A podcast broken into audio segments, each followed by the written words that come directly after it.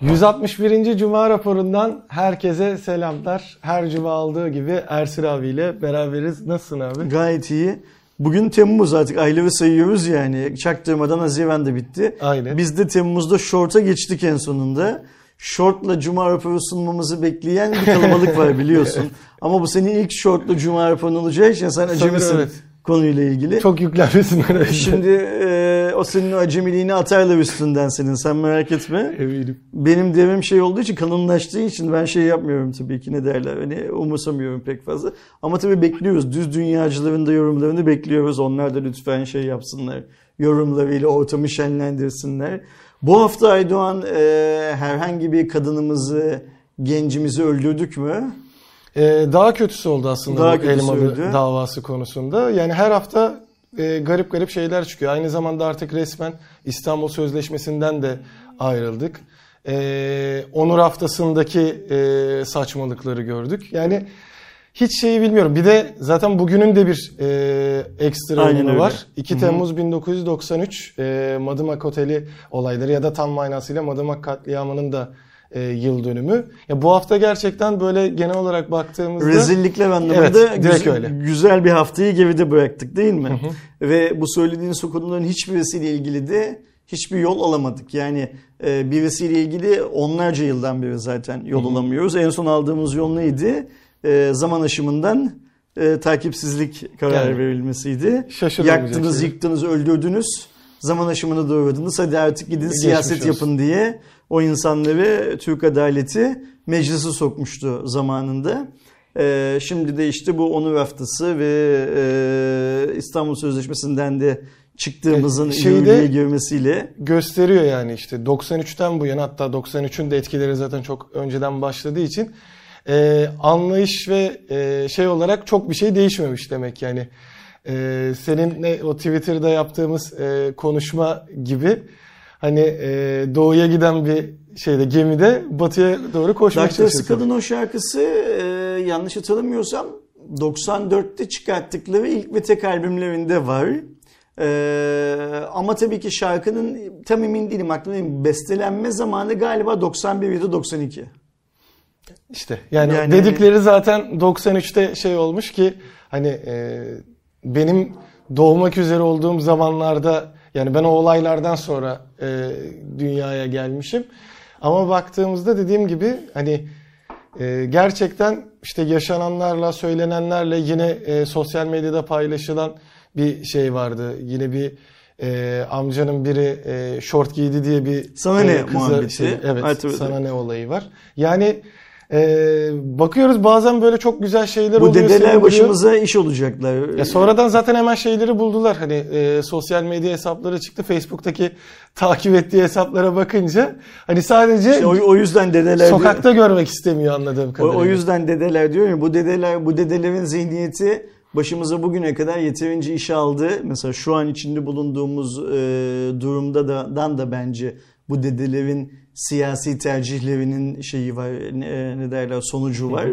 E, yaşayış tarzımızla ilgili de ne yazık ki bu dedelerin kaygılarını çok ciddiye alıyoruz toplum olarak ama şey net aslında. Ya sana ne deyip geçeceksin. Tıpkı o e, sosyal medya paylaşımında o kızcağızın söylediği gibi. Hatta nazik de olmayacaksın. Sana ne lan da diyeceksin yani. Çünkü o lanı duymadan kendine gelmiyor hıyarın evladı. Ee, o zannediyor ki oturduğu yerden her şeye kendisi karar verebiliyor. Böyle bir gücü var. Ee, aslında onun hiç bubuk olmadığını sana ne lan diyerek şey yapmak lazım. ee, ifade etmek lazım.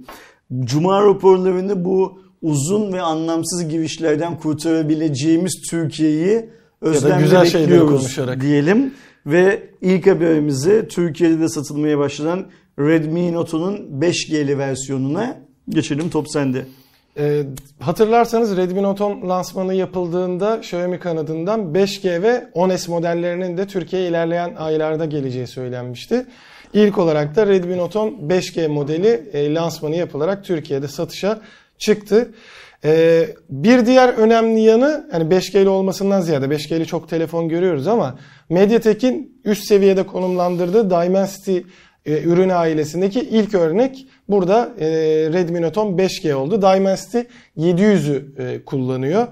Fiyatı 3649 TL, 3650 TL olarak açıklandı. Buradan sonrasını kesebiliriz aslında. Yani fiyatını söyledikten sonra Evet yani bir tam sonraki- şey olarak hani bir sonraki habere geçebiliriz. ku- şeyi kullanmadan önce hani e, ön yargıyla yaklaşmak istemiyorum da hani elime aldığımda evet malzeme kalitesi güzel. Dimensity 700 çok şey vaat ediyor. Onu test ettiğimizde tabii ki göreceğiz. Ben kullanmaya başladım. Ama hani baktığımda 6.5 inçlik Full HD Plus 90 Hz bir ekran var. E, 64, 128 ve 256 depolama 468 GB bellekleri var. Galiba Türkiye'de 8 ve e, 256'lık versiyonu olmayacak. Yani en azından bize test örneğine gelen 464. E, 464'ün fiyatı yani 3650 lira. Kameralarda 48-2.2 var. E, Redmi Note 10'da, Redmi Note 10 Pro'da tahminimce çok daha iyi e, kamera kısmında. Görürüz onları. Yani onu da test ederiz zaten. E, kamera kıyaslamalarımızı yaparız. Önde 8 megapiksel var.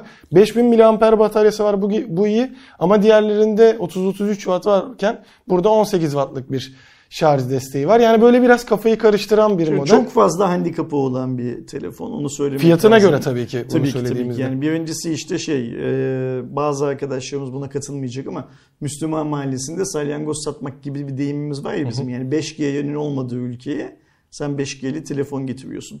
Bunu niye Xiaomi'ye söylüyorum? Mesela bunu Samsung'a, e, Oppo'ya falan söylemiyorum ama insanların Xiaomi'den bekledikleri daha birçok cihaz varken getire getire bunu getiriyorsun. Ve bu ülkede 5G yok. Şey güzel, Dimensity işlemci olması güzel. İlk Türkiye'deki Dimensity e, 700'lü işlemci bu. Şey telefon bu. Ama en büyük handikap, ikinci en büyük handikap ne? Fiyat. Üçüncü en büyük handikap ne? 18 e, wattlık şarj cihazı. 5000 mAh pil koyuyorsun. Seviyenin diğer üyelerinde şarj cihazına abanıyorsun. Ama bu 5G'de şarj cihazına 18 wattlık bir tane şarj cihazı koyuyorsun. Dördüncü handikap ne? Ee, kameralar. Kameraların ben de tahmin ediyorum ki yapacağımız testler sonucunda seviyenin en iyi kamerası çıkmayacak. Bana Hatta seviyenin en kötü kamerası bile çıkabilir. Öyle bir şey de var ne derler e, ihtimal de var. E, bu biraz bana şey gibi geliyor. Hmm, hani biz şey deriz ya Allah yürü ya kulum demiş deriz ya. bu cihaz için de Çin'den bu cihazı Türkiye'de çıkartın demişler gibi geliyor. Olabilir. Ee, şeyi yok yani makul ve mantıklı bir yanı yok cihazın. Tabii şey ihtimali var. Hani Xiaomi kanadında da sık sık görüyoruz işte fiyat e, kısa bir süre sonra şeye iniyor. Mesela örnek veriyorum yine ilk aklıma gelen Poco M3'ün fiyatıydı. İlk çıktığında özelliklerine göre yine fiyatını eleştirdik. Geriledi. E, Redmi Note 10 ailesinde de bir düzelme var. Hani bunda da düzelme olabilir de yani ben niyeyse 3000'in altında beklerdim. Şimdi düzelse düzelse 3500'ün altına iner. Ama bakalım hani fazla ön yargılı yaklaşmak da istemiyorum. Ben Belki Dimensity eğer çok bu şaşırtır. cihazı satın alan izleyicimiz varsa özellikle sizin görüşünüze katılmasını istiyorum. Rica ediyorum. Bize bir şeyi anlatsın. Bu kadar çok e, telefon alternatif arasında sadece Xiaomi değil. Ya Xiaomi'nin çok telefonu var. Pazarda da çok daha fazla. Mi Bu kadar 11 çok telefon arasında 3620 lirayı niye bu telefona verdiğini bize bir anlatsın. Ayrıca Xiaomi'cilere de buradan bir lafımız olsun. Ondan sonra bitirelim bu konuyu. Sen Türkiye lansmanı yapıyorsun. Ertesi gün bir önceki gece Turkcell cihazın fiyatını açıklıyor. Satmaya da başlıyor. E, lansmanın ana unsuru zaten milletin fiyat duymak istemesi. O zaman fiyatı da duyur. Yani yarınki lansmanda fiyatı da şu kadar açıklayacağız diye duyur. E, hani bunlar böyle devrik işler gibime geliyor benim. E, bu devrik işleri yapmamak lazım sanki. Ya orada belki şey olabilir. Hani işte hep global örneklerini görüyoruz ya böyle çok az kala bir sızıntı bir şey yapıp e, konuşulmaya başlanması. Akşamdan konuşulup sabahki lansmana da bir etki olsun durum olabilir. Hani Satışı direkt şeyde. Ama gerçi doğru. Zaten özellikleri belli, fiyatı da belli. Hani o zaman niye lansman izlensin yani işin o tarafı da var.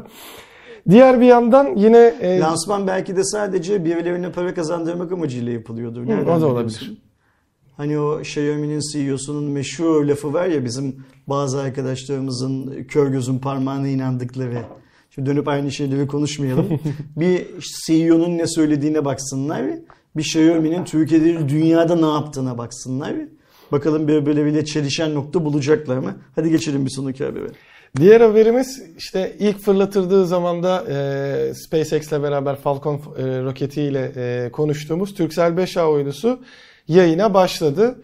E, ilk test Yani yayınında o şeye oturdu ve çalışmaya başladı. Şu anda ilk test yayını yapıldı dün e, saatini hatırlamıyorum. 31 derece doğu yörüngesinde TV yayıncılığı hizmeti verecek. Yani ilerleyen dönemlerde işte e, özellikle uydu alıcılı televizyonlarda ya da uydu alıcınızda 5A'ya geçişler başlayacak. Onun parametreleri açıklandığında direkt belki şey konumu olmayacak anladığım kadarıyla 31 derecede olduğu için çanak hareket ettirmeye gerek kalmadan daha e, güzel bir yayın e, şeyi sunuyor. E, ne derler ona? İmkanı daha sunacak. net diyelim. Ve MENA bölgesine hedefliyor Evet. bu. Yani Türkiye bu uyduyla Türkiye devleti sadece Türk hükümeti sadece Türkiye'ye yayın yapmayı değil MENA MENA'yı nasıl anlatıyoruz? Türkiye ve Orta Doğu Evet. bölgesi diye anlatıyoruz. Orta Türkiye Doğu ve Orta Afrika. Doğu bölgesine Afrika'nın bir kısmına da bu uydu aracılığıyla yayın yapmayı, daha iyi yayın yapmayı hedefliyor Türk hükümeti. Bir diğer yandan tabii ki e, sonrasında e, fırlatılacak şeylerin de hazırlıkları yapılıyor. Zaten 5A fırlatılırken de söylenmişti 6A'nın vesaire hazırlığı olduğu. E, 6A'da haberleşme tarafında bir şey olacak. Hatta yanlış bilmiyorsam Türkiye'deki ilk e, haberleşme şeyi olabilir. E, o da dünya genelinde hani bu tarz uyduları olan sayılı ülkelerden biri haline geleceğiz. Onda da SpaceX ile anlaşılmıştı. İlerleyen günlerde tarihleri e, açılır. E, 4A bu arada hizmetten çıkmıyor. 4A hizmete devam edecek. Ama daha önceki gibi işte büyük ihtimalle iki uydu kullanıyorduk hep e, uydu alıcılı televizyonlarda ya da işte direkt receiver dediğimiz uydu alıcılarındaki e, kullanımlarda. Bunda da hani hem 5A'dan hem 4A'dan yayınlar Büyük olacak. ihtimalle zaman içinde zaten insanlar 4A'yı kullanmamaya başlayacaklar. Çünkü burada bir teknolojik anlamda daha yenilik var, daha iyilik var. 4A'da e, şeyini e, ömrünü yani e, kullanım ömrünü atıl bir uydu olarak tamamlayacak büyük bir ihtimalle. Yani şeyi bekliyorum artık hani kalite olarak mesela yıllardır işte TRT ile başlatılan 4K yayınlar falan var. Hani teknik olarak destek kısmını bilmiyorum ama sonuçta güncel bir uydu olduğu için tabii ki bunları da çok daha iyi iletebilecek düzeydedir. Ee, en azından HD'den bile Full HD'ye geçebilecek yayınlar olursa çünkü yani bayağıdır şey izlemiyordum açıkçası. Ee, normal hani karasal yayınları e, izlemiyordum. Bir ara bir şöyle gezdirdiğimde hala da yayınların hani bir e, internetteki yayınlar kadar iyi olmadığını fark ediyorum. En azından 5 ayla e, şu anda kanallarda da bir gelişme olursa en azından daha güzel olur diye de söyleyelim ve e, yine aşı kanadındaki e, haberimize geldiğimizde Fahrettin Koca yaptığı açıklamayla hem BioNTech ve diğer e, Sinovac'taki süreyi 4 haftaya geri çektiklerini duyurdu. Yani şu anda ikinci doz aşıyı bekliyorsanız tarihlerinizi daha erkene çekebilme imkanınız var. Hem de e, 50 yaş üstünde e, Ankara'daydı yanlış hatırlamıyorsam. Üçüncü doz uygulaması da başladı. Ankara Şehir Hastanesi'nde sağlık çalışanları ve 50 yaş üstüne de üçüncü doz başladı. Üçüncü dozu tamamıyla yine seçime bırakıyorlar. Sen e, BioNTech olmuş olsan da Sinovac seçebiliyorsun. Sinovac olmuş olsan da BioNTech ya da yine aynısını olabiliyorsun anladığım kadarıyla. Hani burada en azından tavsiyem olmak isteyenler olursa e, 50 yaş üzerinde diğerine olması sonuçta antikor üretiminde biraz daha etkili olacaktır. Varyantla ilgili de bir şeyimiz var ne derler? E, varyant konusunda da 224'e çıktığını duyurdu e, Fahrettin Koca. 6 günde yaklaşık 2 katına çıkmış oldu. 16 ilde görülen delta varyantının şu anda yani ilk açıklamada 16 idi 26'ya çıkmış. E, 134'ün İstanbul'da yani e, %70'ine yakın oluyor sanırım yanlış hesaplamıyorsam kafamdan. İstanbul'da görülüyor tabii ki. Ama Delta Plus denilen varyanttan şu anda bir e, emare yok. Bir diğer yandan e, Eylül ayı itibariyle zaten TFF de duyurmuştu. E, spor müsak- müsabakaları seyircili %50 kapasiteyle seyircili yapılacak. Bu aynı zamanda işte e, yeni duyurulan Formula 1 gibi etkinliklerde de seyircili yapılabileceğinin de kanıtı oluyor. Ekim ayında yapılacaktı. Ve e, son olarak e, Fahrettin Koruca bu 12'deki müzik yasağı ile alakalı da e, biz bu kısıtlamaları kalkmasından yanayız. Kalkacaktır da diyerek aslında İçişleri Bakanlığı'nın genelgesine bir e, ters bir şey yapmış oldu. Cumhurbaşkanı'na te- yaptığı açıklamayı ters bir açıklama yapıyor. Şimdi biz yayına başladığımız zaman Aydoğan kaç dakika oldu Cuma raporunda şu anda bilmiyorum ama 6 bin kişi arttı. Ben her zaman olduğu gibi Covid-19 asil.sağlık.gov.tr'den devam ediyorum. İkinci doz uygulanan insan sayısı 6 bin kişi arttı bu süre zarfında. Şu anda 15 milyonuz. Temmuz'un başındayız. Şimdi biz her hafta bunu burada konuşacağız Temmuz sonuna kadar. Amaç e, Temmuz sonunda bu 15 milyon olan rakamın 40 milyona ne kadar yaklaştığı ya da 40 milyona ne kadar geçtiğini şey yapabilmek, görebilmek. 40 milyon Türkiye için önemli bir rakam. Şöyle önemli bir rakam. Resmi olarak söylenilen 84 milyonun yarısı civarında bir rakamımız var. İşte Suriyeli vatandaşlarımızla göçmenlerle birlikte hesapladığımız zaman daha önemli farklı bir rakam çıkıyor karşımıza ama bu sefer de 18 yaşının altındakileri çıkartıp yerlerine Suriyelileri koysak yine 84 milyon, 80 milyonla 100 milyon arasında bir rakam. Ben 84 milyon olduğumuza inanmıyorum. Ben 100 milyonuzdur diye şey yapıyorum. Ne derler? Kafamda plan yapıyorum. 15 milyon rakamını hızlıca şeye 40 milyona çıkartmamız lazım. Şu an 35 Ve milyonda ilk dozda. İlk doz var. 40 milyona ikinci doz uygulanan insan sayısı 40 milyona yaklaştığı zaman, 40 milyonu aştığı zaman büyük bir ihtimalle açık alanda maske denilen gereksiz uygulamadan da şey yapacağız. Ne derler kurtulacağız gibime geliyor. Herhalde Sayın Koca bu konudaki fikirlerini de Cumhurbaşkanı ile ayrıca böyle açıktan biraz önce müzik yasa yasağında söylediğimiz gibi açıktan değil de baş başa kaldıkları bir dönemde şey yapmıştır, paylaşmıştır. Ee, zaten bilim kurulu üyelerinin tamamının da e, benim bildiğim kadarıyla açık alanda maske takmayı zorunlu halde tutmanı konusunda ciddi şüpheleri var. ee, en azından kendilerinin bireysel olarak yaptıkları açıklamalardan birçoğundan bu çıkıyor.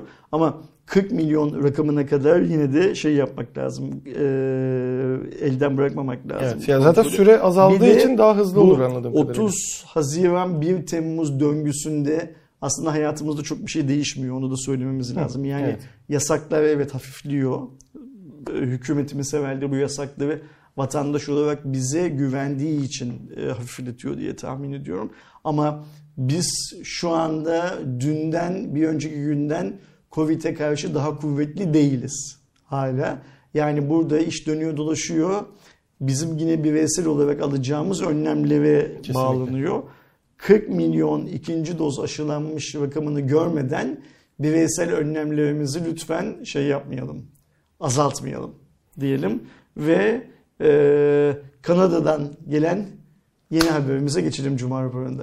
Şimdi e, biliyorsunuz daha öncesinde Norveç'te bir 2025 yılında hatta artık yaklaşıyoruz da elektrikli ya da tam manasıyla e, tersini söyleyeyim içten yanmalı motorlu araçlar yasaklanacaktı ve artık hele elektrikli araçlara geçiş e, planlanıyordu. Kanada'da da böyle bir durum başladı. İlk Quebec açıklamıştı. Sonra Kanada Federal Hükümeti 2035 yılında Sonra içten yanmalı araçları satışını Satışı yasaklayacağını duyurdu. Üretim, süre... üretim devam edebilecek galiba değil mi? Yani üretimle zaten o öncesine sen 2034'te aldığın aracı kullanacaksın tabii ki ama sonra onlar ya bir 10 yıl daha gittiğini düşünürsek. Çünkü şunu söylüyorum. Kanada'daki fabrikalar içten yanmalı motorlu araba üretecek başka ülkelere satabilecekler galiba. Tabii ki ama onun şey olur ama zaten markalar şu an hibrit ya da tamamen elektrikliye dönüyor. Volvo'nun öyle bir şeyi var, e, planı var. Volkswagen grubunun komple var. O yüzden hani yavaş yavaş işten yanmalılara veda edeceğiz gibi ama bazı insanlar bundan çok memnun. Bir kısım da e, çok şey olduğunu düşünüyor. Şimdi dünyada e, bu tarz değişimleri değişim gerçekleşmeden önce iyi ya da kötü olarak algılamak mümkün değil. E, önce onu bilmek lazım. Yani biz otomobilleri üretmeden önce trafik gibi bir sorundan e, başımızın bu kadar arayacağını ya da işte hani otomobillerin yaydığı gürültüden, emisyonları, gazları çıkarttıkları gazdan havanın bu kadar kirleneceğini falan varsaymıyorduk, bilmiyorduk. Şimdi elektrikli otomobillere geçildiği zaman da dünyanın bir anda güllük gülistanlık olacağını varsaymak çok kolay değil. Şu an zaten pil üretimi bir şey var. Bir sorunumuz, pil gibi bir sorunumuz var. Yani maddenin korunumu kanunu gereği pilin içinde de e, doğaya zararlı şeyler olduğunu düşünürsen, elementler olduğunu düşünürsen beklenti daha az zarar verecek bir formun ortaya çıkması pilli araba, elektrikli arabalarla birlikte. Ama e, olup olmayacağını dünya ne yazık ki yaşayarak görecek. Bunu öncesinden ne kadar projeksiyon yaparsan yap, olumlu ya da olumsuz ne kadar veri elinde tutarsan tut, iş gerçekleşmeden göremeyeceğiz evet. neyin ne olduğunu. O yüzden ilk önce Norveç'te, büyük bir ihtimalle sonra Kanada'da bu iş nasıl evriliyor diye. Çünkü onlardaki e, o, o ne olacaksa onun daha büyüğünü makro çapta, dünya çapında modellemek mümkün. Neyin ne olacağını göreceğiz. Benim şahsi şeyimse ne derler e, düşüncemse e, bu tarz gelişmelerin aslında teknolojiden faydalanan bazı insanların kendilerine fırsat yaratması olarak hmm. algılıyorum. Yani işte bugüne kadar dünyanın en büyük mesela 2000 yılında konuşulan şey neydi? Dünyanın en büyük şirketleri hangileriydi? Ee, hani bu internet balonu patladığı zamandan bahsediyorum. Hmm. Ee, koca Ford var, General Mobile var, işte General, General, General Motors. Motors var. General Motors demiştim şey kafaya.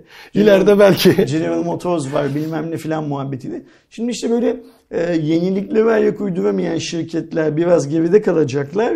Yeniliği temsilcisi olan Tesla ve yeniliği sürdürebilen şirketler biraz daha öne çıkacaklar. Belki TOG da bunlardan bir tanesi inşallah olur.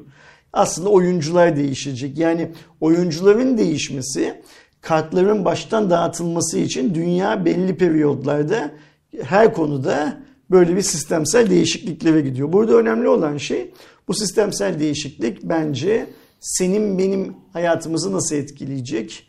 Dünyanın hayatını nasıl etkileyecek? Mesela otomobiller daha ekonomik hale gelecekler mi? İşte birinci şey bu. Otomobiller çevreyi daha az kirletecekler mi? Biz TOG'u bu değişen dünyada bir yere konumlandırabilecek miyiz? Yoksa TOG sadece Türk'ün ürettiği, Türk'ün kullandığı ya da Türk'ün kullanması beklenilen bir otomobil olarak kalacak mı filan bunlar şey yapmak lazım. Değerlendirmek lazım. Ama şu bir gerçek ki burada yine onu görüyoruz. Değişimin karşısında hiçbir kuvvet duramıyor. Yani nasıl o Ford'du, General Motors'du bilmem neydi filan bu değişim olmasın diye kendini açıktan olmasa bile gizliden gizliye çok kasarken bu değişim oluyor. oluyor. Ülkesel bazda oluyor, şehir bazında oluyor, işte marka bazında oluyor. Tesla çıktığı için sen de üretmek zorunda kalıyorsun bilmem ne filan filan. Değişimin karşısında hiçbir şey duramıyor. Değişim her şeyi ezip geçebiliyor. Değişimin böyle bir momentumu var, böyle bir gücü var şey olarak. E, elektrikli otomobilde de neyin ne olacağını göreceğiz. Ben ilk önce 2025'i sonra da 2035'i yani Norveç'i ve Kanada'yı büyük bir merakla bekliyorum. Bakalım ne olacak. Belki bu süre zarfında biz de elektrikli otomobildeki vergilerin azaltılması gibi bazı başta vardı e, o şey şeye ulaşırız ne derler. Bence daha çok arttırılabilir. Ulaşıyoruz. E, TOG yüzünden öyle, öyle olacak gibi görünüyor ama bazı opsiyonlara ulaşıyoruz ve Türkiye'de de daha çok elektrikli otomobili yollarda görürüz. Sen e, düşünür müsün abi mesela işte yeni otomobil almayı planladığında e, elektrikli modellere de bakar mısın? Şu dönemde Bakıyorum. çok arttı çünkü. Bakıyorum. Şimdi şöyle bir şey var. Ben evden işe, işten eve gelip giden bir adamım arabayla. Arabayı daha fazla herhangi bir şey için kullanmıyorum. Yani işte son zamanlarda annem İzmir'e taşındığı için hani bu pandeminin hemen öncesi dönemde İzmir'e gidip gelmem falan gerekiyor ama o küçük bir nüans. Yani ben İzmir'e gelip gidiyorum diye bunu kendime dert etmem. Ya, zaten. Ee, şimdi bizim e, iş yerimizin olduğu yerde e, bunu hep seninle konuşuyoruz zaten. Birimizin bir elektrikli otomobili olsa bunu gün içinde şarj etmemiz çok kolay. Yani ayrıca gidip bir yerde şarj istasyonuna bağlı kalmak gibi bir şeyimiz de yok. Ne derler zorunluluğumuz da yok. Evimde o kadar kolay değil ama burada çok kolay. E, buradaki kolaylıktan yola çıkarak ben işte 14 ee, kilometrelik bir yol yapıyorum her gün. Gelirken 14 kilometre, giderken 14 kilometre. Yani 28-30 kilometre diyelim kabataslak. 30 kilometre işte bugün zaten 300 kilometrelik falan menzili olan arabalar var. Bu 300 kilometrelik menzili olan arabaların 200 kilometre yaptığını varsayalım şeyde İstanbul trafiğinde. Hı. ya da bu sebepten. Demek ki 7 gün tek şarjda ben o arabayı kullanabilirim. 7 gün içinde de eşlik değilim ya bir fırsat bulur burada ofiste arabayı şey yapabiliyorum şarj edebiliyorum. Bu şartlar altında eğer e, elektrikli otomobil uygun bir fiyatı satın alabilir formda olursa ben elektrikli araba alıp İstanbul içinde kullanmayı şey yaparım, e, düşünebilirim. Burada hiç marka model bilmem ne filan gibi bir ayrımım yok kafamda. Ama sorun şu ki elektrikli otomobiller Türkiye'de e, normal otomobillerden daha pahalı. Yani şu anda da Elektrik en ucuzu MG'nin şeyi var zaten o da 300'lerde falan satılıyor. Elektrik de Türkiye'de benzinden daha pahalı daha yeni uzun vadede. şey oldu. Ya o zamdan ayrı da söylüyorum. Yani benzin şu anda üzerindeki vergiyle filan birlikte elektrikten çok daha pahalı değil ya da elektrik çok ucuz değil elektrikli arabayı şarj etmek için de. Şimdi burada şöyle bir şey çıkıyor ortaya. Sen tercih eder misin dedin ya. ben teorik olarak tercih ederim ama pratiğe döndüğümüzde ne diyor pratik? Otomobil pahalı, elektrik pahalı. Yani otomobil farkının şey olması lazım zaten bir kendini Aynen amorti öyle. etmesi. Dizel Aynen. muhabbeti gibi işte. Aynen Dizel benzinli Şimdi olayı. Bu olmadığı sürece tercih edemiyorsun. O, Evet, olsa tercih edersin. Yani ben şey modunda değilim. Elektrikli otomobil alacağız da işte buradan Bodrum'a giderken, buradan İzmir'e giderken yolda bir saatte arabayı mı şarj Ya gitmezsin o zaman. O zaman uçakla gidersin. Gitmen gerekiyorsa. Süre önemli. yılda bir kere tatile gidiyorsan onu da araba alımını, araba kararını ona göre yapacak değilsin. Elektrikli otomobile geçmenin ne faydası var insana? Yani bana şu anda onu aslında anlatmaya çalışıyorum. Şu an bir faydası yok. Bana bir fayda yaratması lazım. Ekonomik olarak alırken ucuz olması lazım. Ee, şeyde e, elektriğimin de göreceli olarak benzinden ya da fosil yakıtlardan daha ucuz olması lazım ki bende buna geçiş motivasyonu ulaştı, oluştursun. Şimdi bunlar olmadan nasıl bir geçiş motivasyonu oluşturursun, oluşturur bir insanda? Çevreci olduğu için. Yeterli bir geçiş motivasyonu mu? Yeterli bir geçiş motivasyonu. Ancak çevreciliği konusunda da tam olarak bilimsel gerçekler işte biraz önce saydığımız Üretim nedenler yüzünden o pil Şeyin depolanması Aynen yani. Biten pilin O biten piller ne olacak? Ona bakmak lazım ya. Ee, dünya bir süre sonra e, şimdi şöyle bir şey var. Cep telefonlarımızdaki pil 10 gram, arabadaki pil 200-300 kilo gibi şeyler tonlara var. bile varabiliyor. Tonlara bile varabiliyor. Aynı öyle haklısın. O yüzden bu şartlar altında Türkiye'de elektrikli arabaya geçmem benim şey değil. e, mümkün değil. Fakat şuna eminim.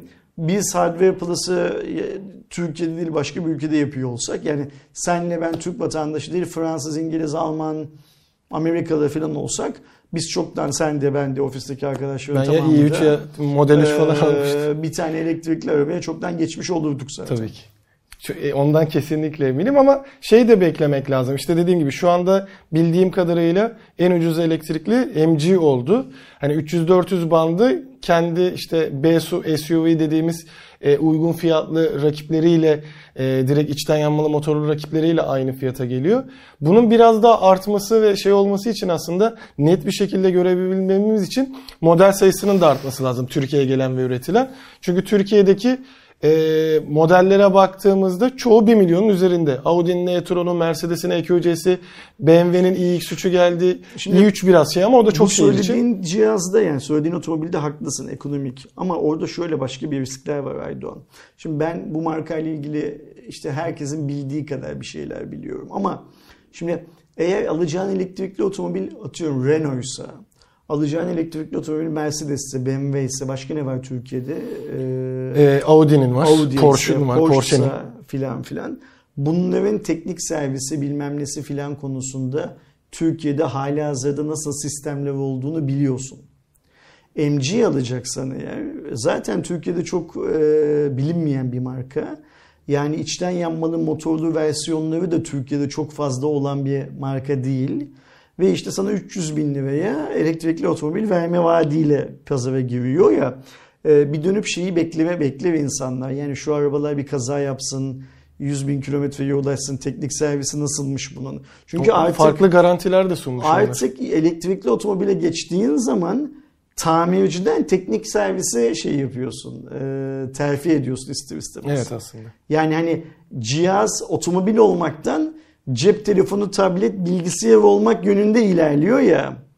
E, o, o çizginin altını çizmeye Evet çalışıyor. aslında sorunların da biraz görülmesi lazım. Çünkü şey oluyor mesela diyelim e, yolda gittiğinde işte içten yanmalı hani benzin benzin ya da dizel fark etmeksizin işte eski tabirle su kaynatabiliyor farklı farklı şeyleri olabiliyor. Sen o sırada müdahale edebiliyorsun. Ama elektrikli de silecek suyu dışında müdahale edebileceğin bir şey yok. Ayrıca şöyle şeyler var Aydoğan şimdi. Beğenelim ya da beğenmeyelim. Ford, Fiat bilmem ne filan filan. Bunların tamamı Türkiye'de çok uzun yıllardır satış yapıyorlar. Mesela ben geçmişte bir tane e, Tofaş çalışanıyla muhabbet ettiğimde e, ne derece doğrudur bilmiyorum ama bana akla mantıklı geldiği için söylüyorum. Bizim otomobillerimizin İtalya'daki formlarıyla Türkiye'deki formları birbirinin aynısı değildir demişti adam. Bu ne demek demiştim. Ya mesela dingil mesafelerimiz bilmem ne filan filan Türkiye yollarına göre optimize edilir dedi. Çünkü İtalya'da yollar daha düzdür, Türkiye'de yollar daha sorunludur. Ve işte biz o yüzden bunu değiştirmek zorundayız demişti. Şimdi bu bir know-how, bu bir bilgi. Bu bilgi Ford'da, Fiat'ta bilmem ne de olması çok normal. Niye? Çünkü adamlar onlarca yıldır Türkiye'de otomobil satıyorlar. Üretiyorlar. Onlarca yıldır Türkiye'de otomobil üretiyorlar. Onlarca yıldır sattıkları, ithal ettikleri ya da ürettikleri otomobillerin servise geldiğinde ne sorun çıkarttığıyla kar- Sebebini de görüyorlar, şeyi de görüyorlar. Şimdi bu söylediğimiz marka olarak yeni bir marka. Bu markada böyle şeyler var mı? Ee, ne derler? Ee, optimizasyonlar var mı? Yani mesela ben belki biraz çok ince eleyip sık dokuyor olabilirim bu konuda. Araba çok güzel görünüyor bu Evet. arada. Yani, yani onun hakkını verelim. Araba Geçen bizim- bu sitede gördüm bu arada. Öyle Almış mi? biriydi. Araba bizim Türkiye'de son zamanlarda çok gördüğümüz bu gördüğümüz bu şehrin yaramaz çocuğu diye adlandırılan genellikle e, şehirli genç insanların jip kullanıyorum diye kullandıkları arabalardan bir tanesi. Yani birçok markanın bu segmentte arabası var ve o birçok markanın bu segmentteki arabasının hepsi de trafikte gayet güzel görünüyor. Evet. Bu da nitekim kozmetik anlamda çok, Çok güzel, güzel görünüyor. görünüyor. Ama e, benim gibi işe böyle biraz daha farklı açıdan bakan adamların o arabayı alması için bence henüz ellerinde elimizde yeterli şey yok. Data yok. Evet. Yani o açıdan Yani baktığımda bu arabayı kim ithal ediyordan başlayarak e, bir yığın şey var ne derler soru var ya kafamızda.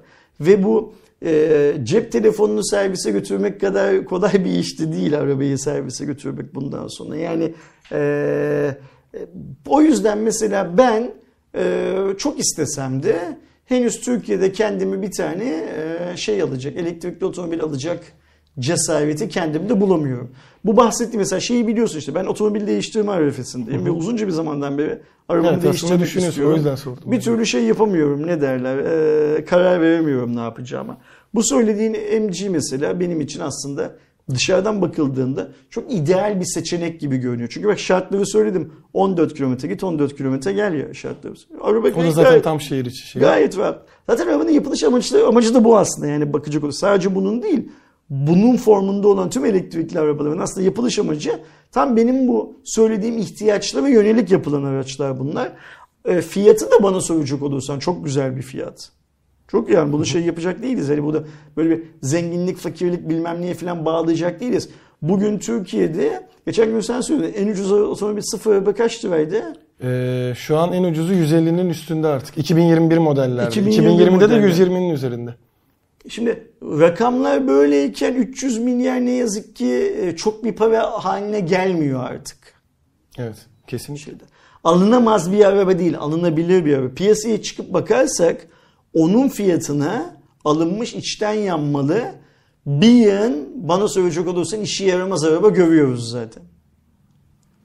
Burada önemli olan şey 300 milyarı bu arabaya vermek ve bu dönüşüm içten yanmalı elektrikli, Elektrikli. dönüşümüne hazır mıyım ben birey olarak hazır mı ülke sistem olarak sorgusunu yapabilmek. Şimdi bir apartman dairesinde oturuyorsan bir plaza katında çalışıyorsan o zaman bu otomobili sadece belirli şarj noktalarında şarj edebileceğini varsaydığımızda bu arabayı şarj etmek senin hayatına ekstra bir yük olarak geliyor. Evet. Bir de çünkü beklemen gerekiyor. Ha spora gidiyorsundur, kütüphaneye gidiyorsundur, işte atıyorum folklor oynuyorsundur, oraya gittiğin yerdeki benzincide falan vardır. Bunları tabii ki ayrı yere koyuyorum. O zaman zaten gidiyorsundur spora.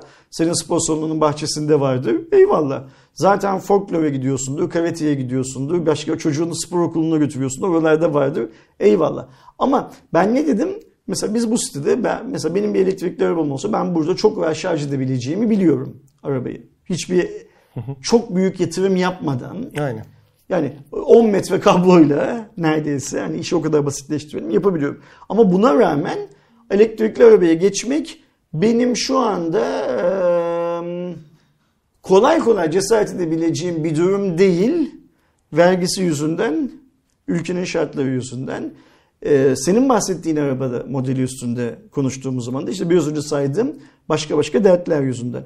Ha arabayı bir kullanmak bir şey yapmak istiyorum ne derler e, test etmek istiyorum ayrı mevzu. Onu zaten şey yaparız rica ederiz PR şirketinden bize bir Zaten yönlendirirler. şey Aynen öyle yani hani orada sağ olsun eski bir meslektaşımız eski bir dostumuz meslektaş olmaktan öte eski bir dostumuz Alper var zaten. E, Alper bize o anlamda e, her türlü kolaylığı şey yapacaktır denememiz açısından. E, geçer miyim? Tekrar söyleyeyim. Geçebilirim. E, o arabaya bile geçebilirim bir sonraki aracım olarak. Ama işte kafamda kendi kendimi ikna etmem gereken e, soru işaretleri var.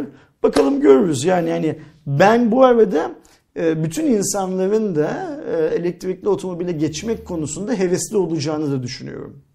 Bence de yani çok fazla yani, duymaya başladım. Sessizlik bir kere çok önemli. Yani o çok yani o, keyifli oluyor. Ve bunu ya. elektrikli bir araba kullanmayan bir insanın anlayabilmesi şey ya değil. Şey de var mümkün hani değil. E, şeyleri konuştuğumda işte şimdi e, kanalımızda var zaten. Ben EQC'yi kullandıktan sonra birçok arkadaşımla da konuştum. Onlar da merak ettiği şeyleri sordular. Ee, bazı insanlarda şey var. İşte o atmosferik motor sesini seven, işte turbo sesini ya seven insanlar ki, da var. Ki, ben eminim aslında bir bir haftalık böyle 3-4 günlük kullanma imkanları olursa ki işte e, kendi bölgelerindeki işte MG'nin, BMW'nin şeyleri yani herhangi bir e, elektrikli aracın testi açıksa orada test yapmalarını tavsiye ederim. Yani o rahatlığı hissettikten sonra bambaşka bir şey istiyor. Ben de severdim normalde e, şeyleri, e, motor sesini olsun e, ya da işte kendi yaşıtlarım var. E, işte egzozu değiştiren şey yapan, hani sesi daha çok olmasını şey yapan. Evet o da bana keyifli geliyordu ama sessizliği hele hele o uzun yoldaki sessizliği fark ettikten sonra ya inanılmaz rahat olduğunu ve şey olduğunu anlıyorsun ve hani arkana baktığında bir yerden duman çıkmıyor, bir şey çıkmıyor bambaşka bir keyif oluyor. O yüzden herkesi bir dediğim gibi yakındaki ben e, şeyi tavsiye şeyi ederim. hak veriyorum. Bu hani motor sesini, egzoz sesini sevenlerin e, neyi sevdiklerini konusunda çok netim. E, ama bana öyle o kadar da sevilecek bir şeymiş gibi gelmiyor. O ayrı mevzu. Bu benim, ne kadar çok çıkarsa insanları rahatsız ediyorsun bu benim, çünkü. E, Ersin'in kendi sorunu değil. Fakat şuna inanıyorum. Herkes bir kere elektrikli otomobil kullanırsa eğer elektrikli otomobilden keyif alacaktır. Özellikle şehir içinde. Ha Türkiye'de özellikle İstanbul'da bu e, ani hızlanmalar, ani yavaşlamalar bilmem neler filan filan gereği belki bir kısım insan elektrikli otomobilin verdiği sürüş şeyini ne derler tarzını beğenmediğinden geçmeyi istemeyebilir. Hı. Ama şeyi unutmamak lazım. Biz Türkiye'de İstanbul trafiğinde e, irregular bir yani düzensiz bir e, trafik ve kurallar zinciri Tam ona uygun aslında var. biliyor musun? Elektrikli, elektrikli otomobiller Fren dünyanın her yerinde trafik kurallarına da uymayı gerektiren cihazlar. Sistemler de ona göre Aynen öyle. O yüzden hani e, eninde sonunda bu geçiş gerçekleşecek. Sektör buna çoktan karar vermiş. Tabii. Biz bireysel olarak bunun karşısında duramayız. Türkiye için bazı özel durumlarımız var.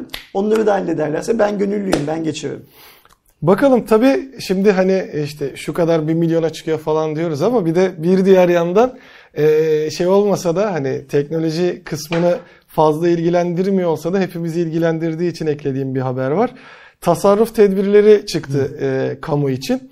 Acil veya zorunlu haller dışında ne suretle olursa olsun e, yeni taşıt edinilemeyeceği 2023 yılı sonuna kadar en az %20 oranında kamu kurumlarındaki e, araçların azaltılacağı e, şey olacakmış. Mevcut e, taşıtlar gözden geçirilecekmiş. İhtiyaç fazlası veya ekonomik ömrünü tamamlamış taşıtlar ihtiyacı olan kurumlara devredilip ya da tasfiye edileceği. Yeni taşıt almada da e, ambulans vesaire gibi ve bazı makam araçları dışında hibe vesaire ne olursa olsun yabancı menşeili olmayacağı gibi bir durum var. Şu andaki verilere göre Türkiye'de 108.866 adet kamu aracı, e, kamuya 2021'de alınacak araç sayısı ise 2865 olarak büt ve bütçe cetveline girmiş. Bu arada bu tasarruf tedbirlerinde Cumhurbaşkanlığı ve Türkiye Büyük Millet Meclisi dahil değil. Şu tasarruf iyidir. Yani tasarruf etme fikri de iyidir. Hele bizim gibi Türkiye gibi ülkelerdeki doğan her çocuğa ailesinin zaten öğrettiği, öğretmesi de gerektiği bir şeydir tasarruf. Çünkü biz Alman değiliz, biz İngiliz değiliz. Yani biz geleceğimizi düşünmek zorundayız. Belki bir Alman geleceğini düşünmek zorunda olmayabilir ve o emekli maaşıyla e, hayatını sürdürmesini Çok sürdüreceğinin evet. farkındadır. Biz Türkiye'de böyle bir lükse sahip değiliz ne yazık ki. Hani coğrafya kaderi diyoruz ya bu da Türk insanının kaderi. Eğer Türkiye'den kaçıp başka bir ülkeye gitmediysen orada iyi çalışıp iyi kazanmıyorsan tasarruf etmek zorundasın. Ben Türk halkının tasarrufa itiraz edeceğini düşünmüyorum. Türk halkı tasarruf etmeye meyillidir de zaten. Çünkü biz kumbarayla falan başlarız tasarruf etmeye çocukken. Ve ben etrafımda tasarruf etmeyen insan olduğunu sanmıyorum. Herkes tasarruf ediyordur. Yani bizim genlerimize yazılmış gibi tasarruf etmek. Çünkü mecburuz buna. Ee, içinde bulunduğumuz durum bizi buna zorluyor. Yani yıllardır bu şekilde Şöyle olduğu düşüneyim. Çinli o çekirgeyi yanında kuzu olduğu için yemiyor. Kuzu olmadığı için çekirgeyi yiyor ya aslında. Hani böyle en kaba şeydi ya da yılanı ya da bilmem neyi filan. Ee, bizde yani onun onu yemekten başka çaresi yok. Bizim de tasarruf etmekten başka çaremiz yok. Zaten O yüzden tasarrufa hiçbirimiz hayır demeyiz. Ama tabii ki şöyle bir şey var. Tasarruf önlemlerinde hani Ersin tasarruf etsin Aydoğan etmesin. Ee, Ersin'e tasarruf araba almak yasak Aydoğan araba almak serbest filan. Bunlar her şeyden önce eşitlik ilkesine aykırı ee, ve e, küçük sinekler bunlar ve e, iştah kaçıran e, şeyler, oluşumlar.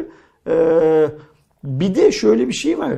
Ee, dolar 4 lirayken tasarruf edersen daha çok kazanırsın. evet. Dolar 8 lirayken tasarruf edersen iki misli tasarruf etmek zorunda kalırsın. Yani bunların her şeyin bir plan e, şeyinde e, çerçevesinde yapılmış olması gerekiyor. Mühendislik o yüzden önemli, matematik o yüzden önemli. Matematik birçok derdimizin şeyi aslında e, ne derler çaresi aslında. Bir şeyi yaparken önünü arkasını sağını solunu çok iyi düşünerek yapmak gerekiyor ki maksimum faydaya ulaşabilelim. Yoksa evdeki bütün ışıkları e, tasarruflu ampule çevirdin diye daha çok ışık yaktığın zaman başkasının yapacağı kadar tasarruf edemiyorsun Evet. gibi dertler var.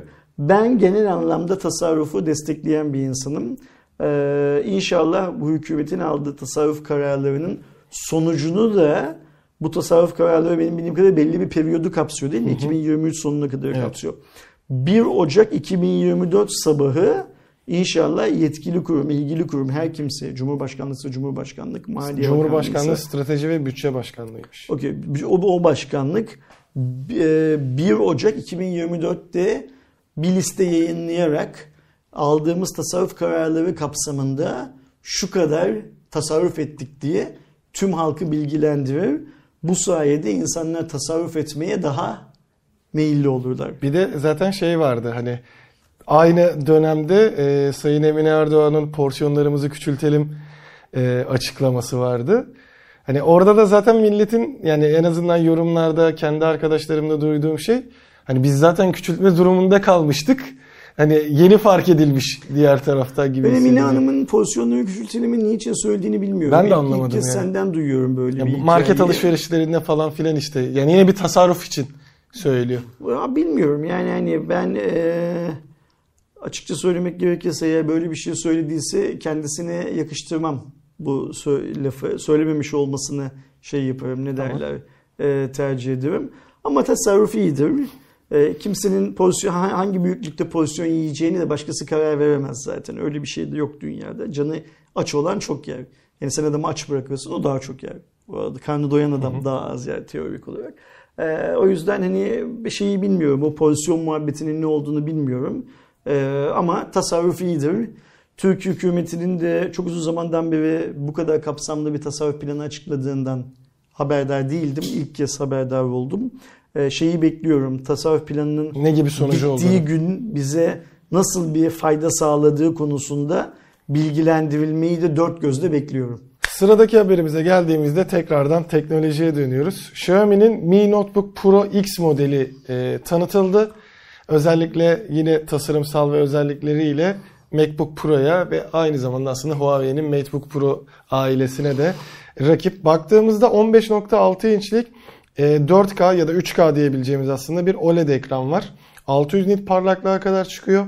Core 11. nesil i7 işlemciler de var. İşte en en e, tepe modelinde e, 1137 370H modeli mevcut. 3050 Ti e, 4 GB'a kadar farklı e, ekran kartları seçilebiliyor.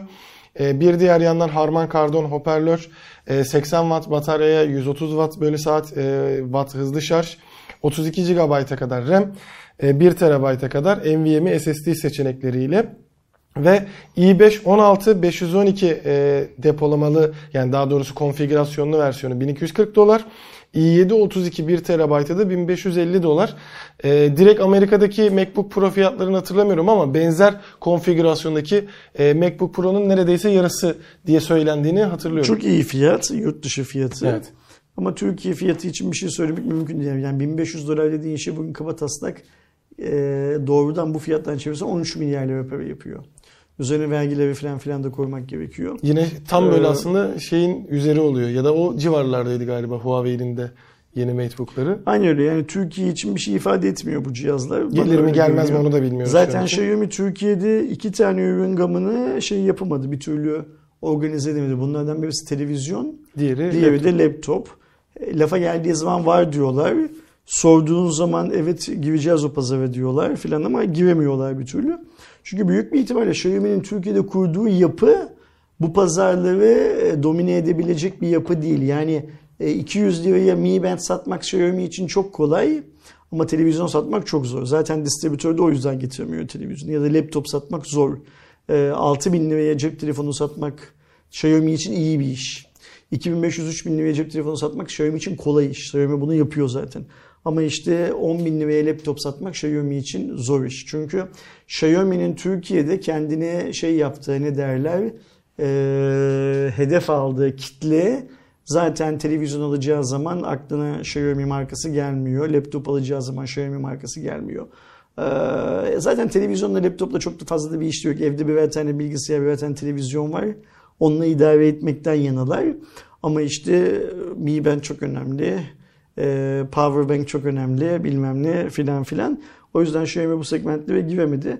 Bu cihazda ve bu iki şey yani bu Notebook Pro Extreme'in hiçbirisini bence Türkiye'de yasal yollardan görmeyiz. Ee, o yüzden çok da üzerinde konuşmaya gerek yok. Gel esas bir şey olan ne derler baş kaldırı haberi olan anti Google arama motoruna geçelim. Geçelim. Ee, eski bir Google yöneticisi olan e, Sridhar e, Ramsway diye Herhalde Ra- Hintli- Ramas Herhalde Hintli diyelim. kendisi değil mi? öyle Ya duruyor e, şeyi de. Ee, zaten daha öncesinde bir anti Google e, arama motoru e, yapacağını duyurmuştu. Şimdi artık resmen çıktı. Niva adındaki %100 reklamsız, e, yönlendirmesiz ve gerçek sonuçlara ulaşmak için tasarlanmış. Çünkü zaten e, Sridhar'ın da söylediği olay yani Google'ın orayı komple kullanıp işte reklam üzerinden vesaire manipüle ettiği kısmı ve yönlendirmeler üzerinden gittiği kısmı. E, buradaki arama motoru da bunu sağlıyor. Tamamıyla gerçek sonuçlara dayandığını şey yapıyor.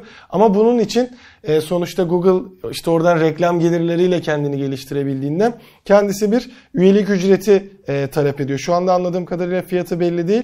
Ama aynı zamanda veri gizliliği ve e, mahremiyeti ve çerez engelleme gibi e, ya da haber kaynaklarını kendin seçebilme gibi opsiyonlarının da olduğu söyleniyor. Şu an için e, yurt dışında Türkiye'ye açılmadı daha hizmet.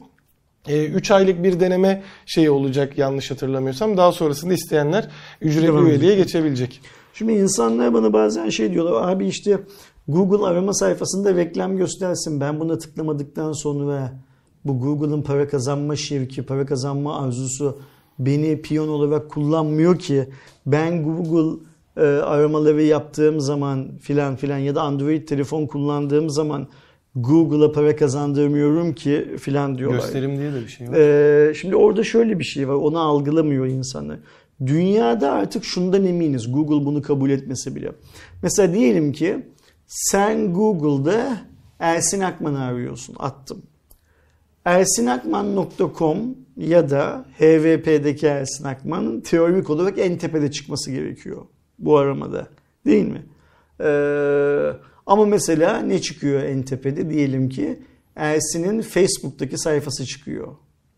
Ya da Aydoğan'ın web sitesinde biz bir dönem Ersin'le yan yana çalışmıştık. İyi adamdır, kötü adamdır diye yazdığı bir tane yazı çıkıyor. Niye onlar çıkıyor? Ersin'in kendi web sitesi ya da HVP her neyse Google reklamları kullanmıyor. Ama e, Facebook Ersin'in profilinin yanında Google reklamı göstermeyi kabul etmiş. Ya da Aydoğan Google reklamlarını kendi sitesine gömmüş. Yani Google bir şekilde kendine reklam geliri olarak geriye dönüş yapacağı algoritmayı kurmuş ve sana yukarılarda onu gösteriyor. Bugün şunu biliyoruz ki dünyada Google reklamlarını kendi web sitesine koymayan ya da Google'ın para kazanması için gerekli aksiyonları almayan hiçbir yayının, hiçbir web sitesinin Google arama sonuçlarında yapılan aramayla ilgili dünyanın en iyi içeriğine bile sahip olsa birinci sırada çıkma şansı yok. yok. Keza gelelim bir başka hikayeye. Bundan emin değiliz. Bu bir söylenti. Diyorlar ki sen hem katılı üyesi olmayın diyorsun, şeyinizi, hmm, paranızı Google'a kaptırmayın diyorsun. Hem de YouTube kanalınızdaki katıl üyeliğiniz açık. Ve insanlara katıl üyelerine hediye filan vererek teşvik, teşvik ediyorsun, özendiriyorsun. Diyorum ki arkadaşlar bize söylenilen şey bir kaynaktan değil birçok farklı kaynaktan katıl üyeliğini açmadığınız sürece Google'ın YouTube üzerinde yaptırdığı aramalarda ya da Google'da yapılan aramalarda sizin videolarınızın diğerleri kadar önerilmesi mümkün değil dendiği için katıl sistemini açtık. Ve biz ne yazık ki katıl sistemini açıkta tutmak zorundayız ve ne yazık ki bu sistemi açıkta tutmak değil bu sistemin üye sayısının da artması gerekiyor. Çünkü Google burada da kabataslak anlatayım. Aydoğan'la Ersin aynı yayıncılığı yapıyorlar. Ne yapıyorlar? İşte aynı fincanı, aynı suyu, aynı havluyu, aynı cep telefonunun tanıtımını yapıyorlar. Aydoğan'ın bin tane katıl üyesi var. Ersin'in yüz tane katıl üyesi var. Aydoğan'ın kanalı daha çok öneriliyor YouTube aramalarında. Çünkü niye? Aydoğan YouTube için daha karlı bir yayın. Yatırım. Aynen, Aynen öyle. Ersin'in videolarını izletmesinin bir mantığı yok. Çünkü Ersin'in zaten 100 tane katıl üyesi var. Reklam gelirleri de daha az. Aydoğan'ın reklam gelirleri daha fazla. Yani YouTube her şeyi Google daha doğrusu ABC dediğimiz ejderha daha doğrusu her şeyi e, kendisinin kazanacağı sistemle kurmuş durumda. Ve siz bu çarkın içine girdiğiniz zaman ama bir ama on ama yüz ama yüz bin ama bir milyon mutlaka kazandırıyorsunuz. Hiçbir şey yapmasanız bile Google'a kazandırıyorsunuz. Bu arkadaşımızın e, yaptığı işin önemi bu aslında. E, Google'ın eski bir çalışanı ve yöneticisi olduğu için e, paranın nereden kazanıldığını, insanların hangi verilerinin nerede paraya çevrildiğini hepimizden daha iyi biliyor. Yani bu sadece senin verini bir başkasına satma işi değil. Bu ayrı bir iş. Bu dünyada Google'ın yarattığı, Google ilk kez iki tane matematikçi olan Google'ın kurucularının matematik dedik ya biraz önce her derdin çözümü diye. Matematik her derdin kaynağı da olabiliyor. Buradaki dert bu şey anlamında.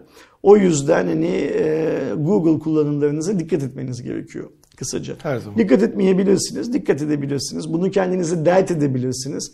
Aman gitsin diyebilirsiniz. Bu tamamen sizin nasıl bir insan olduğunuzla alakalı. Bu konuda öyle yaptın, şöyle yaptın, iyi yaptın, kötü yaptın filan derdi yok. İnsanlar ben Neva kullanacağım diye bir de para mı ödeyeceğim deme hakkına sahipler. Ama işte bazı özlü sözler var. Bedavaysa ürün sensin Aynen. muhabbeti bunlardan bir tanesi.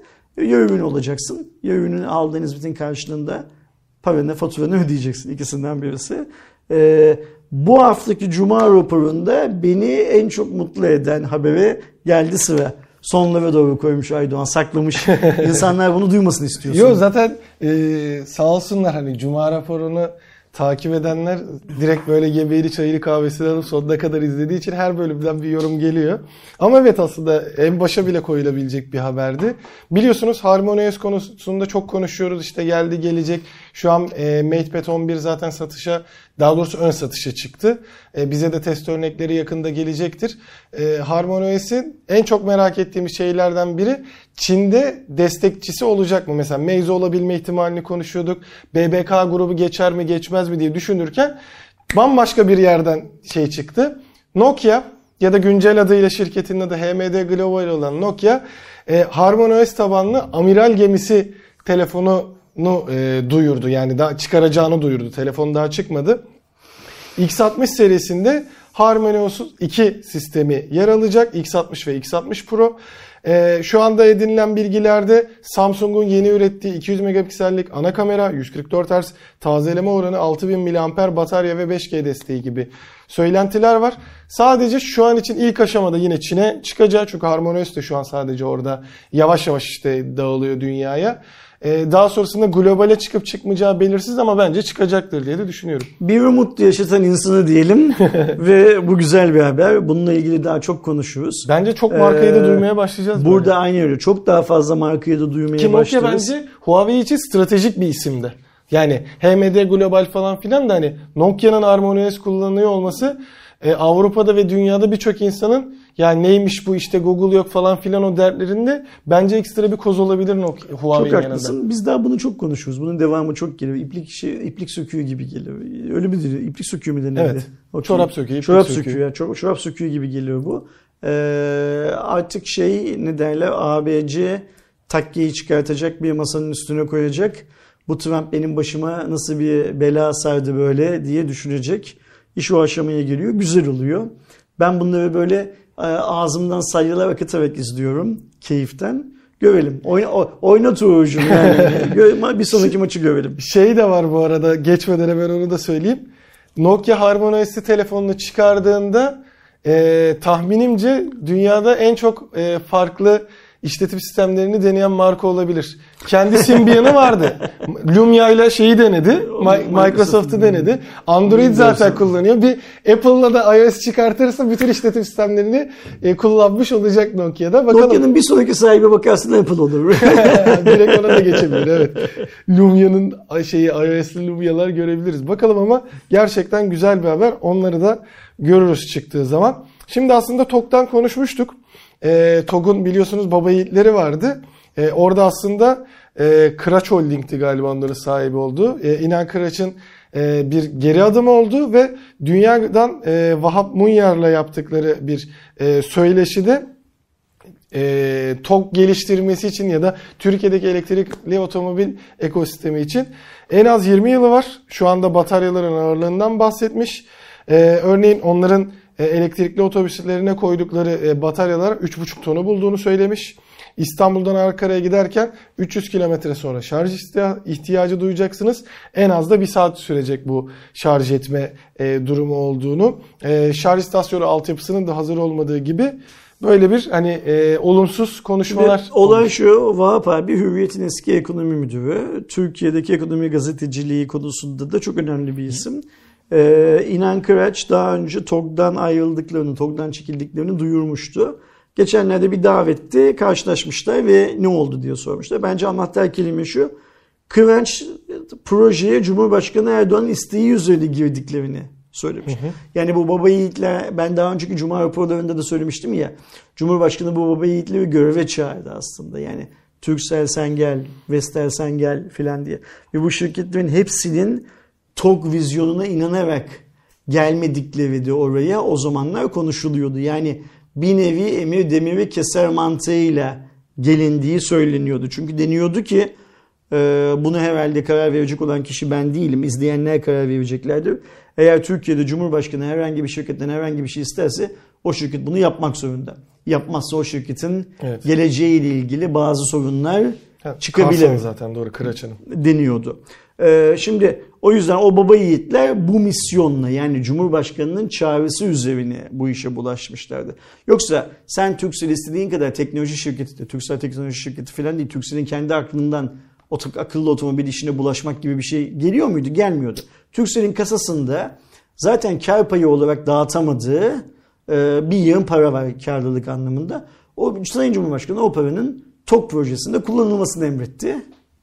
Bunun emrin kabul edilmesi için gerekli yasal düzenleme zaten daha öncesinden yapılmıştı. Ee, yani Türkcell'in ortaklık yapısı değiştirilmişti zaten. Emir kabul edildi. Keza Vestel diğerleri filan filan da hükümetle yaptıkları ya da hükümetin yapmalarına göz yumdukları işleri yapmaya devam edebilmek için bu işin içine girmişlerdi. TOG'dan şimdi Kıraç ayrıldı. Yerine bir başkası bulunur. Dert değil. Ama Kıraç'ın söylediği şeyleri dikkate almak lazım. Kıraç'ın söylediği şeyleri benim biraz önce söylediğim şeyler birbirlerinden çok farklı değil. Bak biz diyor TOG projesi dışında kendi ürettiğimiz otobüslerde 1,5 tonluk piller kullanıyoruz. O 1,5 tonluk pilin eee, kullanımı bittikten sonra 1,5 tonluk pil ne olacak? Önemli. İstanbul'dan Ankara'ya giderken 300 kilometrede mola vermen lazım. Bir saat şarj etmen lazım falan. Şimdi ülkenin sorunları dedik ya biz. Bu, bu sorunlar var. TOG bence iyi bir adım. bu işe erken girmek iyidir. Bak Tesla erken girdi, işi başlattı, kaymağını yiyor adamlar. Bizim buradaki sorunumuz e, kıraç girebilir, çıkabilir, dert değil. Sen zaten gönüllüsüz insanları bir araya getirerek o maçı alamazsın. Yani o sahaya sürdüğün 11 kişinin oynamaya şeyi olması lazım, arzusu olması lazım. E, Kıraç'ın yerine oynamaya arzulu daha başka bir adam bulunur. Burada önemli olan şey işin içinde kıraç var mı? Bu Türk otomobili mi? Recep Tayyip Erdoğan'ın istekleri yüzünden mi yapıldı filan filandan öte ortaya çıkan ürün iyi bir ürün mü?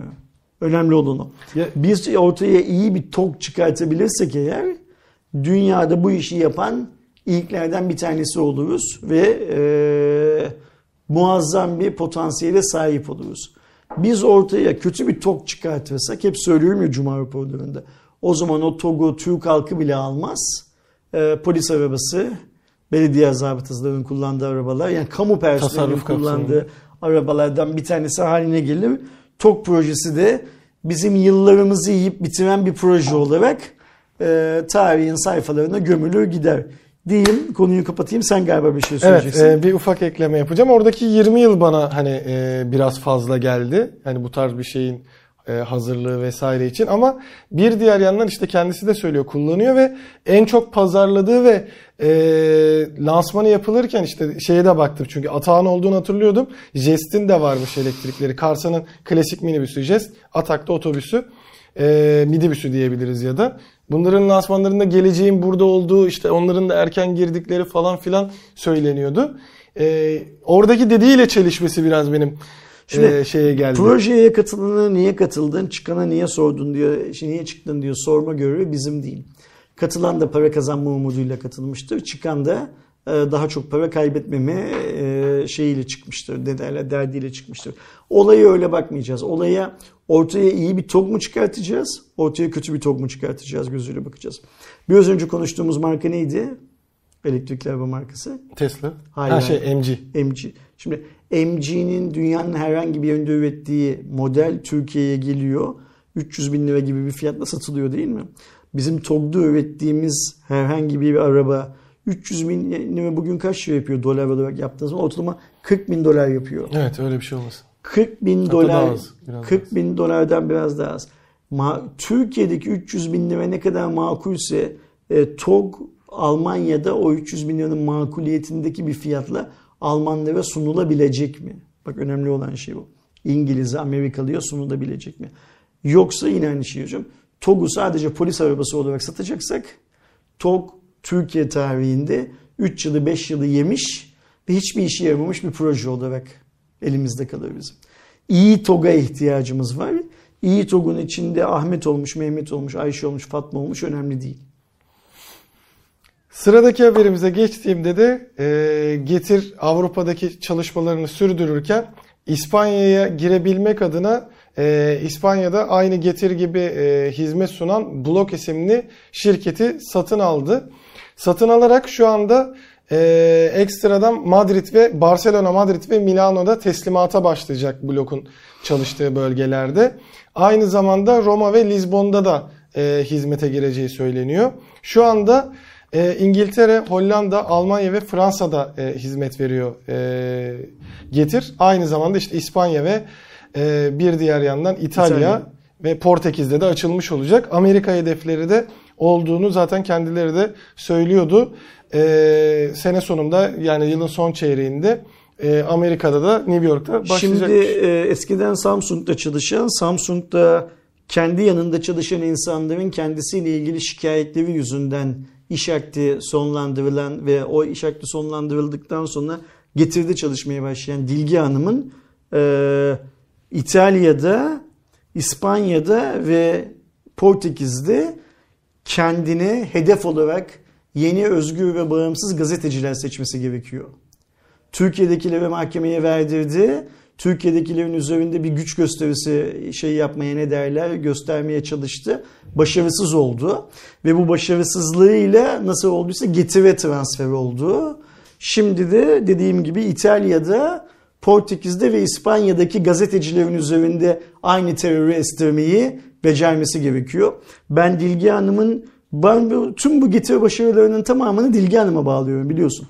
Eğer Getir Dilge Hanım'ı işe almasaydı bu kadar başarılı bir şirket olamazdı bana göre. Ve çok yakın zamanda Getir'den şeyi bekliyorum. Ee, İtalya'da şu gazeteciyi, İspanya'da bu gazeteciyi, Portekiz'de şu gazeteciyi mahkemeye verdik diye basın bültenleri servis etmelerini bekliyorum. Ben Getir kullanmıyorum. Ben Getir kullanmadığımı söylediğim için Getir'in sahibi Twitter'da beni bloklamış sağ olsun. Ben bir taksi de kullanmıyorum. Bir taksideki arkadaşlar da beni şey yapsınlar, bloklasınlar.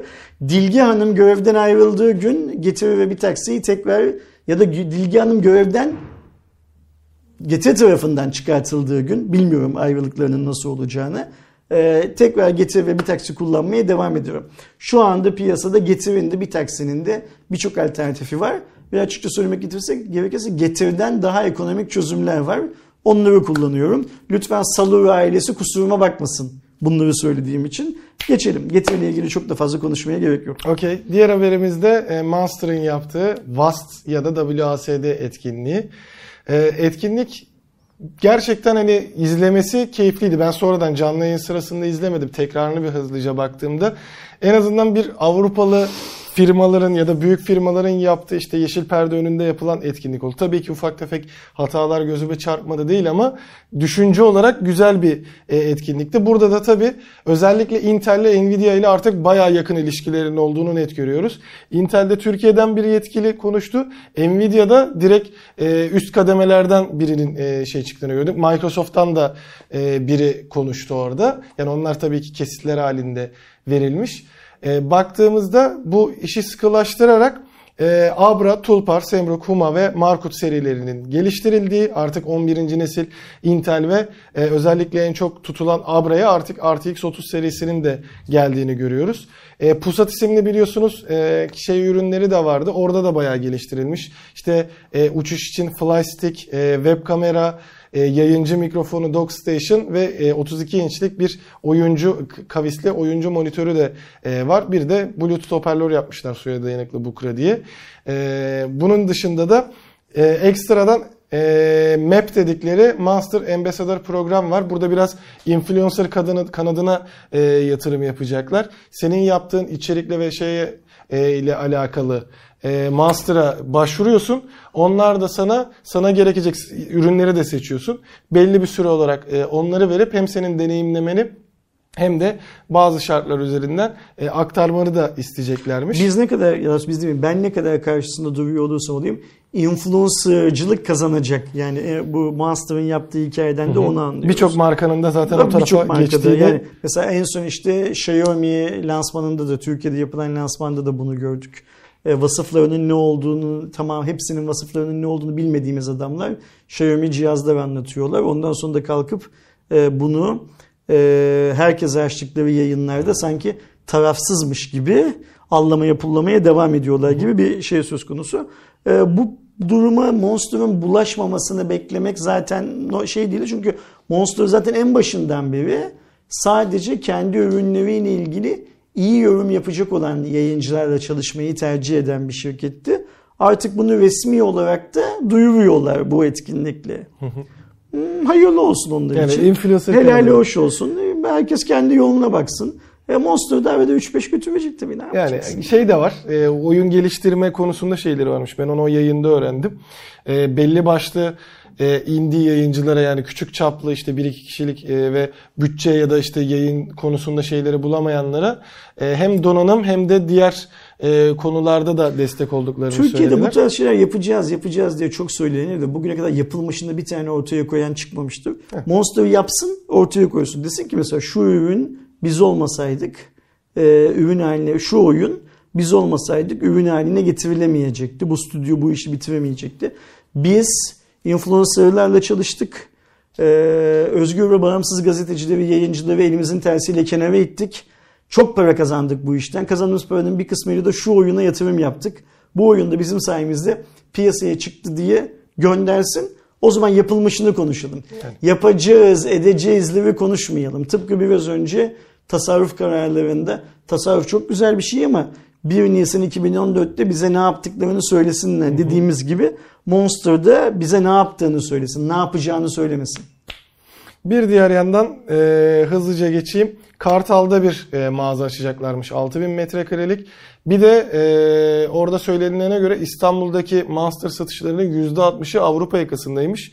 Bu yüzden Avrupa yakasına da bir tane e, mağaza gelecek. E, bir diğer yandan işte diğer illerdeki yerlere teknik servis alanları da getirilip şey yapılacakmış. Yani sizin İstanbul'a göndermenize falan gerek kalmayacak. E, büyüme konusunda da zaten geçtiğimiz sene Berlin'de bir e, şey açılmıştı, mağaza açılmıştı. Şimdi de e, 2022'de yani ilk olarak dijital sonrasında e, Londra'da fiziksel bir mağaza. Bir sonraki aşamada Amerika olduğu söylendi. Almanya'da şeylere de girmişler bu arada. Sadece artık kendi mağazalarında değil, Mediamarkt'ta, Saturn vesaire gibi Şimdi yerlerde de satışa Bunlar başlamış. söylenmiş. Söylenmeyenleri ben söyleyeyim. Ben sorayım. Mesela Almanya'da kaç liradan o cihazları satıyorlar? Ben onu merak ediyorum. İF olsaydı Alma- gidip bakacak. Almanya'da kaç tane satmışlar? Yani hani işte Türkiye'de İstanbul Avrupa yakasında satıyoruz diyorlar ya. Türk Almanya'da kaç tane satmışlar? Pazar payı ne oldu mesela? Aynen öyle. Almanya'daki pazar payı ne? Yani e, Almanya'da mağaza açıp bunu bir pazarlama unsuru olarak mı kullanıyorsun sen Türk'ün üstünde? Çünkü Türk sever. Almanya'da bile satılıyor bizim ürünlerimiz Dubai'de falan demeyi sever. O yüzden onlara bakmak lazım. Ee, başka ne söylemiştim? Bir şeyler daha söylemiştim. Londra ve Amerika planları Yok yok var. Almanya şeyden başka bu teknik servis Ha, açılacak. k- şey Kartal'da 6000 metrekare. 6000 metrekare. Şimdi teknik servise kaç tane Monster e, sahibinin işi düşüyor? Şimdi mesela biz şunu duyuyoruz. Ben bu yüzden Monster yöneticilerine teşekkür de ediyorum her fırsatta. Monster teknik servise giden herkes mutlu ayrılıyor. Evet. Ama çok fazla insan gidiyor gibime geliyor. Yani o kadar Evet. çok duyuyoruz ki bunu. Teknik servise gitme oranı ne? Yani mesela e, Türkiye'nin her yerinde teknik servis açmaları Gerçi- ve açacak olmalarına, duyurmalarına gerek yok bence. Eğer sen Türkiye'de satış yapan bir markaysan açmalısın zaten. Bu senin görevin. Ama bir de şeyi söyle bize. E, geri dönüş oranın ne? Yani her sattığın 100 tane laptoptan kaç tanesi ilk bir yıl içinde teknik servise geriye geliyor? Bir de onu söyle bize. Bunlar konuşulmayanlar zaten Monster'da benim anladığım kadarıyla bunlar konuşulmasın istiyor. O yüzden yapacağız, edeceğiz, açacağız bilmem ne. Sonraki gelecek zamanla ilgili böyle at ateşin altına odunu devam et, ateşin, ateşin altına odunu devam et gibi bir yöntem izliyor. Ve insanlar da gidip Monster cihaz alıyorlar. Alan güle güle kullansın. Bizim söyleyecek başka bir lafımız yok. Son Ee, olarak şeyi ekleyeyim o zaman hani bu konudan e, ayrı olarak hani normalde şey eklememiştim ama e, Cuma raporunda konuşurken e, şeyden bahsetmiş olalım. Bir de ya şu anda resmi olarak duyulmasa da paylaşılan bir iki fotoğraftan ortaya çıktığı üzere e, Realme'nin de e, Kodak'la bir işbirliği olacak gibi görünüyor. Çok Böylece gereksiz. yani şey algısı olacak o zaman ilerleyen dönemlerde hani bütün şeyler e, kamera firmaları Ha şöyle geçecek. şöyle bir sorunu var. Kodak iyi bir şirket değil çalışmayı seçmek için. Yani eski şeyi yok mesela. Kodak evet zamanında bayağı e, şeydi. Şimdi denilebilir ki Leica'yı da Huawei seçtiği zaman Leica'nın da dijital anlamda çok bir başarısı yoktu. Ama bak geldiğimiz noktada neler oldu denilebilir. İşte Leica'nın gücüyle Kodak'ın gücü bir değil şey olarak. Kodak e, bence e, bugünün dünyasında baktığımız zaman geçmişte kalmış bir marka. Benim zaten hep e, Kodak denildiğinde şey fotoğrafçıların şeyi tabelası olarak geliyor. Çünkü Kodak'a yaptırılıyordu onlar. Orada bir Kodak yani yazısı eski şey, filmler, filmlerden Evet, bahsediyorsun. Yani bak hafızalarda bu kadar kalmış. Dijital, de dijital dönüşümü gerçekleştirememiş bir marka Kodak. Ve Realme gibi bence başarılı bir marka global anlamda Kodak'la çalışmayı seçmiş. İnşallah iyi sonuç alırlar diyelim. İyi sonuç alsınlar da övelim. Mesela Bakalım diyelim Oppo'ya ki, ne kalacak? e, Realme'nin Kodak'la anlaşması e, şeyin hmm, Huawei'nin e, Leica ile anlaşmasından OnePlus Hazelblad. Hasselblad anlaşmasından, Vivo'nun şeyle anlaşmasından, Zeiss'le anlaşmasından daha iyi sonuçlar üretti. Diyelim yüzümüz kızarsın. Bakalım Oppo'ya ne kalacak şimdi? Doğru. Vivo'nun şey var. E, Zeiss'i var. OnePlus'ın e, Hazelblad'i var. Realme'nin Kodak'ı var. Orada bir böyle şey hegemonyası oluşuyor. Oppo'da Göreceğiz. belki artık kendi kameralarıyla da gerçi teknik olarak onlar da Sony ile çalışıyor denebilir. Hani dünya genelinde böyle bir şey var da yavaş yavaş e, şeyler artıyor. Belki ne olur? Fuji film olur. Bir o kaldı galiba. 161. Fuji ile çalışabilirler evet. Fuji filmle değil Fuji ile çalışabilirler. Hı, tabii Fuji demek. 161. Cuma raporunda sonuna gelmiş olduk değil mi? Yine birbirinden baş farklı konularımız oldu. Önümüzdeki hafta yeni bir Cuma raporunda Canlı burada olarak. olacağız. Yok ondan sonraki haftaya denk geliyor değil mi? Evet. Ha onu söyleyecektim. Bayramda da muhtemelen uzun bir tatil yapacağız. Ama Cuma raporlarını canlı olarak arkadaşlarımızla paylaşacağız. Yeri geldiği zaman onun açıklamasını ayrıca yaparız. Önümüzdeki hafta görüşünceye kadar kendinize iyi bakın. Hoşçakalın. Hoşçakalın.